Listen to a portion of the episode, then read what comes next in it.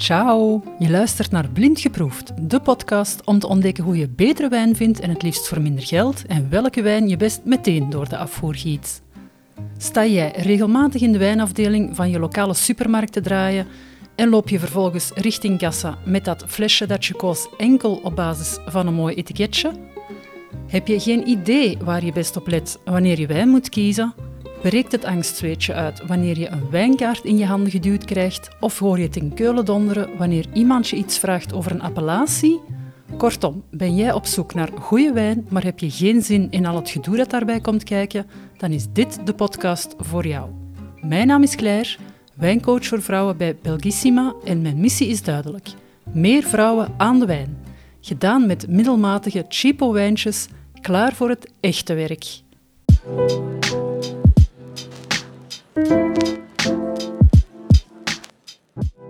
Welkom in aflevering 4 van Blind Geproefd. Vandaag gaan we op ontdekkingstocht en dan meer specifiek in wijnwinkels. Een tijdje geleden ben ik met enkele van mijn vriendinnen naar Bologna geweest. Dat is ons jaarlijkse citytripje. Het is niet altijd Bologna, maar we proberen altijd om een bestemming te vinden waar dat we goed kunnen eten en drinken. En dit keer was Bologna aan de beurt. En ik ben ook een dagje eerder vertrokken dan de rest van mijn gezelschap. Om een beetje tijd te hebben voor mezelf. En dat betekent dan vooral om te shoppen. En vervolgens heb ik mijn kledingbudget van een half jaar er op een halve dag doorgejaagd. Maar ook vooral om wijn te gaan proeven en te ontdekken. En ik ben die eerste dag ook al op zoek gegaan naar enkele wijnwinkels, waar ik dan een babbeltje heb gedaan met de eigenaars. En wat ik dan leuk vind om te doen, is om ze te vertellen wat ik lekker vind qua stijl van wijn. En dan heb ik vervolgens eens carte blanche gegeven en gevraagd om mij hun lievelingswijnen binnen die categorie voor te stellen. En ik ben die dag, die eerste dag, uh, naast uh, met nieuwe schoenen en drie broeken enzovoort enzovoort, ook naar huis gegaan met drie witte wijnen en een schuimwijn. En echt wel hele leuke ontdekkingen gedaan. En dat bracht me bij de vraag, kun je zomaar een wijnwinkel binnenstappen en gewoon vertrouwen op de keuze of op het advies van de wijnadviseur of van de eigenaar? Ik denk dat het antwoord op die vraag ja is. Tenminste, als je min of meer kunt vertellen wat je zoal graag drinkt en waar je naar op zoek bent. In mijn geval heb ik verteld tegen die mensen in de winkel, ik drink graag deze en deze stijl van wijn. Er zijn twee wijnstijlen die ik had voorgesteld concreet. De eerste stijl die ik had voorgesteld was een wat vollere stijl, wat rijkere witte wijn. Uh, en omdat ik in Italië was, had ik het voorbeeld aangehaald van de appellatie Lugana. Dat is er eentje helemaal uit het noorden van Italië, vlakbij het Gardameer. En um, dat is een wijn die daar gemaakt wordt van de Turbiana-druif. En Turbiana is niet zo heel gekend. Maar waar je misschien wel al eens van hebt gehoord, is de Trebbiano-druif. Uh, klinkt als, is niet helemaal hetzelfde. Het is, uh, Trebbiano is een druif die je vooral in Abruzzo terugvindt, in Centraal-Italië. En vandaar dat hij ook heel vaak vermeld staat als Trebbiano d'Abruzzo. En Turbiana is een lokale variant, een kloon van dezelfde Trebbiano-druif. Maar gemiddeld wel steviger dan de meeste Trebbiano-druiven. De tweede optie die ik had voorgesteld was een eerder minerale wijn. En minerale wijn, hoe leg ik dat uit? Dat zijn wijnen met nogal een subtiel, ook vaak wat ziltig karakter, soms met wat tonen van anijs en ook de geur van silex. En die laatste moet ik misschien even uitleggen. Als kind um, speelden mijn ouders en ik zelf ook in een tennisclub. En rondom die, die tennisterreinen uh, lagen er allemaal stenen. En heel veel van die stenen waren zo van een eerder ronde soort, van die grote afgeronde stenen. En ik vond dat als kind heel tof om die dan zo tegen elkaar te wrijven. En dan kwamen er vonkjes uit. En dat gaf ook zo'n specifieke geur. Dus die geur die dan vrijkomt, dat is de geur die ik bedoel, silex. Ik denk dat dat in het Nederlands vuursteen heet, um, maar ja, ik ben niet zeker. Anyhow. Um, dus ik had die twee wijnstijlen voorgesteld en vervolgens hebben ze mij dan een paar opties um, voorgesteld. En ik ben vervolgens naar huis gegaan met drie witte wijnen. en een schuimwijn. En ik had die eerste avond alvast een flesje geopend op mijn eigen, op mijn terras in Bologna. En dat was al direct een toppertje. Ehm, de eerste fles was uit de Langhe, dat is ook uit het noorden van Italië. Het is een appellatie in Piemonte. En de wijn, die specifieke wijn, was gemaakt van de Favorita-druif. is ook geen heel alledaagse druif, uh, maar heeft wel een bekender broertje. De Favorita is in feite een hele oude druif die in Piemonte heel veel gebruikt wordt als mengdruif in een blend van meerdere druivensoorten. Dus meestal wordt die niet als monocepage gebruikt. Monocepage, of in het Engels ook wel varietal, is een wijn die van slechts één enkele druivensoort wordt gemaakt. Bijvoorbeeld Chardonnay of gewoon Cabernet Sauvignon. En een blend, of in het Frans assemblage, daarentegen is het tegenovergestelde, is de optie waarbij er in één enkele wijn meerdere druivensoorten worden gebruikt. En ik heb er al iets bij geleerd over die Favorita-druif, want die heren van de wijnwinkel wisten mij dus te vertellen dat die druif genetisch dezelfde is als de Vermentino. En Vermentino is een wat bekendere druif, die je vooral tegenkomt in Sardinië, maar ook wel in Centraal-Italië, in Toscane en Abruzzo. En in mijn ervaring een druif waar je zelden of nooit iets mis mee kunt doen. Ik heb nog maar zelden of nooit slechte Vermentino gedronken. Het is doorgaans ook niet zo'n heel dure uh, wijn. En ik vind het meestal, 9 op de 10, ben ik er wel blij mee als ik die heb gekozen. Dus dat was alvast een mooie ontdekking. En verder had ik ook nog een fles schuimwijn uitgekozen, een heel speciale. Opnieuw uit het noorden van Italië, ook weer uit Piemonte. Dus dat betekent dat het ook per definitie geen Prosecco is, uh, omdat Prosecco is, net zoals champagne bijvoorbeeld, een beschermde naam en enkel schuimwijn die afkomstig is uit de Veneto-streek en dan meer bepaald uit een van de Prosecco-appellaties, mag ook effectief Prosecco heten.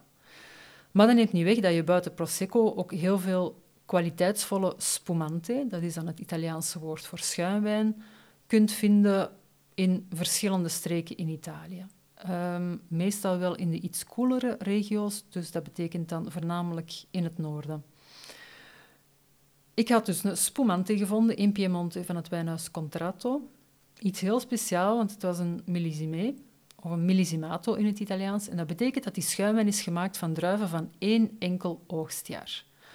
Normaal gezien worden schuimwijnen gemaakt van een blend van verschillende jaargangen samen en dat doen ze om elke keer, om elk jaar opnieuw diezelfde kwaliteit te kunnen garanderen.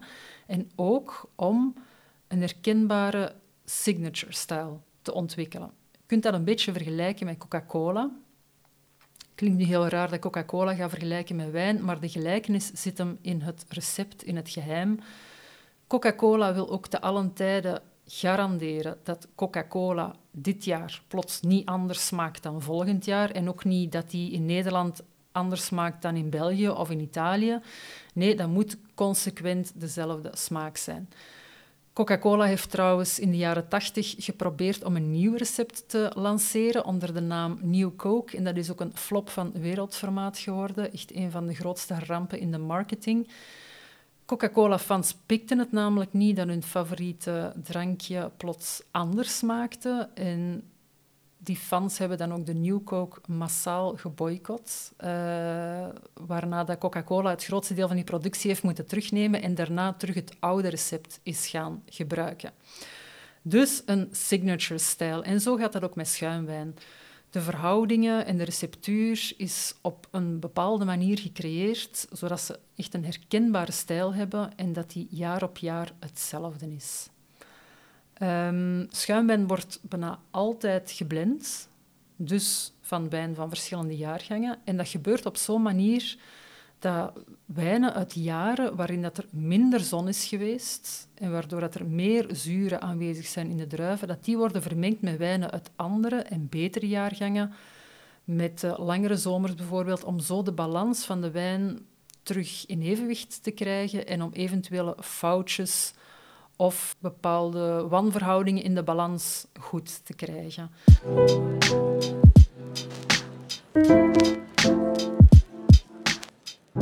Een champagnehuis gaat zo op die manier elk jaar eenzelfde kwaliteit kunnen aanleveren. En zo hebben de grote champagnehuizen, die dat je ook terugvindt in de supermarkt bijvoorbeeld, zoals Laurent Perrier of Veuve Clicquot, een hele consistente smaak jaar in, jaar uit.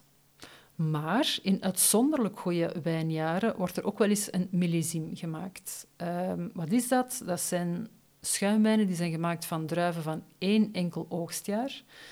En in dat geval staat ook het jaartal van de oogst vermeld op de fles. In alle andere gevallen staat er geen jaartal op de fles vermeld. Dus dat is ook de reden waarom dat je dat zelden of nooit op een fles schuimwijn zult zien staan. Maar ik had dus een uh, speciale millisimato meegenomen van het jaar 2011. En dat klinkt heel oud, zeker als je weet dat schuimwijn best zo jong mogelijk wordt gedronken. Maar in dit geval verwijst die 2011 enkel naar het jaartal waarin dat de druiven zijn geoogst. En daarna moet er natuurlijk, voordat je een schuimwijn hebt, ook eerst een gewone wijn, een witte wijn gemaakt worden, een stille wijn, zoals dat dan heet. En van die stille wijn wordt er dan later door een bepaald procedé, in dit geval de methode traditioneel of methode champenoise, een schuimwijn gemaakt. Nu, hoe langer dat die schuimwijn gaat rijpen, voordat die op de markt wordt gebracht, hoe fijner dat de paarling en ook de smaak zal zijn. Die rijping van een fles schuimwijn heet in dit geval rijping sur lit of rijping sur lat. En het geeft de schuimwijn ook meer complexiteit en finesse. En hoe lang dat die rijping dan moet zijn, dat wordt ook bepaald door de appellatie in kwestie. In uh, champagne bijvoorbeeld moet dat minimum een jaar tot 18 maanden zijn. In cava start dat bijvoorbeeld aan 9 maanden al. Dus hoe langer de rijping, hoe beter dat de schuimwijn in kwestie zal zijn. En de schuimwijn die dat ik had gekocht, heeft 80 maanden rijping gehad, wat dat al aanzienlijk is. Dus dat betekent ook dat, uh, dat die wijn van 2011, dat ik die dan pas in 2023 heb gedronken. En ook nog belangrijk om mee te geven is dat de leeftijd en dus ook het bewaarpotentieel van de wijn pas ingaan op het moment dat de fles wordt gedegorgeerd. En de dégorgement is het moment waarop de fles schuimwijn wordt afgewerkt klaargemaakt om op de markt te komen. En dan wordt die ook afgewerkt met een speciale geheime mix. En dan krijgt hij vervolgens ook zijn typische kurk en het, het, eh, de muselet, het, eh, het kapje erover. En op dat moment begint het eigenlijk pas te tellen. Dus voor mijn millisime van 2011 was het moment van de dégorgement pas in juni 2019. En dat is dus het moment dat de bewaartijd of het bewaarpotentieel van de schuimwijn in dit geval uh, pas start. Maar goed, ik vind het dus heel leuk om mezelf eens te laten verrassen door wat minder voor de hand liggende dingen. En daarbij vind ik het ook altijd wel tof om eens te horen bij de mensen van de wijnwinkel wat dat hun favorieten zijn. En soms kan dat voor hele toffe, onverwachte dingen zorgen. In de wijnwinkel waar ik zelf ook nog wel eens werk, hebben wij ook zo onze favorieten onder de mensen die daar uh, werken. En dat zijn niet altijd de meest commerciële wijnen. Dus ze zeggen niet de wijnen die per se vaak worden gekocht. En net daarom vind ik het wel de moeite om daar eens over te praten met de mensen die daar in de winkel staan, om te horen waar zij nu echt de moeite vinden. Waar dat er speciaal is, of dat er iets is waar ze mij echt kunnen aanraden en dat ze zelf heel leuk vinden. Soms zijn dat wijnen van druiven waar dat je nog nooit van hebt gehoord, of van regio's die dat je niet kent en die dat je dus uit jezelf nooit zou proberen. Maar als iemand dat dan aanraadt, dan kan dat echt wel een, een fijne ontdekking zijn. Dus dat is een beetje mijn tip voor vandaag, om gewoon een keer naar een wijnwinkel te gaan en te praten met de wijnadviseur of de eigenaar van de winkel en eens te horen waar zij jou graag willen aanraden.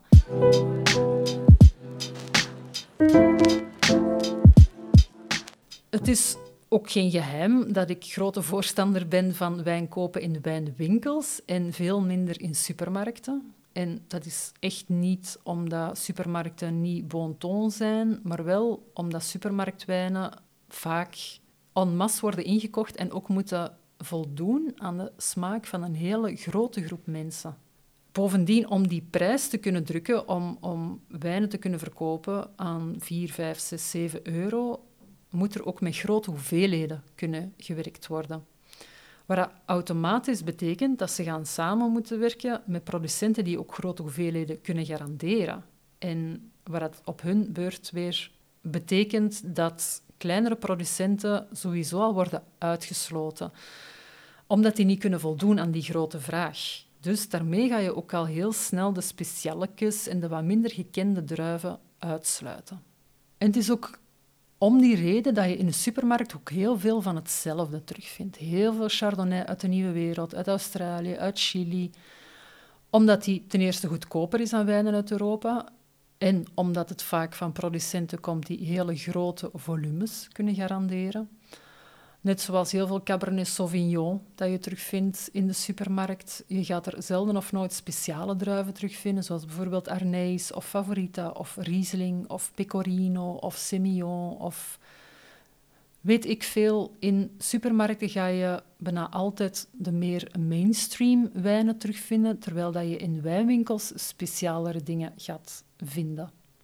Daarom ook mijn tip van vandaag, ga zeker een keertje naar een wijnwinkel. Dat hoeft helemaal niet intimiderend te zijn. Ik weet dat bij veel mensen die uh, overtuiging heerst dat de wijnwinkels dat dat meteen veel duurder is en dat dat enkel is voor mensen die er veel van kennen. Dat is absoluut niet waar. Ik sta zelf ook regelmatig nog in een wijnwinkel en ik krijg elke keer mensen over de vloer die zeggen van ja, het is de eerste keer dat ik in een wijnwinkel kom en ik ken er eigenlijk helemaal niet zoveel van. En dan vind ik dat gewoon leuk om die te kunnen helpen en om die mensen echt over de streep te trekken om de volgende keer terug te komen en niet gewoon opnieuw weer een Chardonnay uit Chili met houtrijping te kiezen in de supermarkt.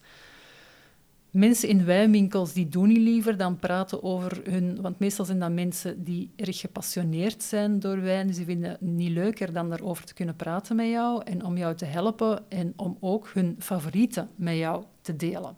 Mijn verhaal van Bologna, daarmee wou ik vertellen van dat het heel tof kan zijn en heel verrassend om gewoon eens in een wijnwinkel binnen te stappen, om eens te praten met de mensen, te luisteren wat dat hun favorieten zijn en wie weet, geraak je wel aangenaam verrast. Tot de volgende keer. Bye bye.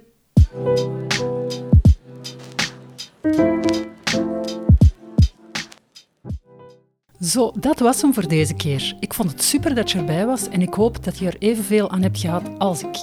Heb je de smaak te pakken en wil je je nog verder onderdompelen in wijn? Volg dan de podcastshow Blind Geproefd. Die vind je terug op Spotify en Apple Podcasts. Wist je dat je ook heel makkelijk een review kan achterlaten over deze podcast? Ga naar de podcast-app waarmee je deze podcast beluistert en klik op reviews. Laat bijvoorbeeld 5 sterren achter of schrijf ook een eigen review als je wat extra inspiratie hebt. Daar zou je me een ontzettend groot plezier mee doen, want op die manier kunnen meer luisteraars en wijnliefhebbers me makkelijker terugvinden. Mis geen enkele aflevering en abonneer je helemaal gratis op de Blindgeproefd podcastshow. Dat doe je door op de knop subscribe of follow te klikken. En ik zou het ook super tof vinden als je een screenshot van deze podcastshow wil maken en hem wil delen in je Instagram stories. Ken je iemand die deze podcast ook leuk zou vinden? Stuur hem of haar dan deze aflevering door. Via Spotify kan dat heel makkelijk door op de drie bolletjes naast de aflevering te klikken en dan te kiezen voor Share. Krijg jij maar niet genoeg van wijn, dan kun je me ook volgen op mijn Instagram-account Belgissima en op mijn blog die je terugvindt op de website belgissima.be. Heb je een vraag of een suggestie? Stuur me dan een bericht op claire.belgissima.be of stuur een privébericht via de Instagram-account van Belgissima.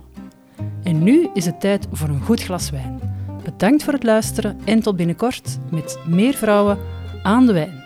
Ciao!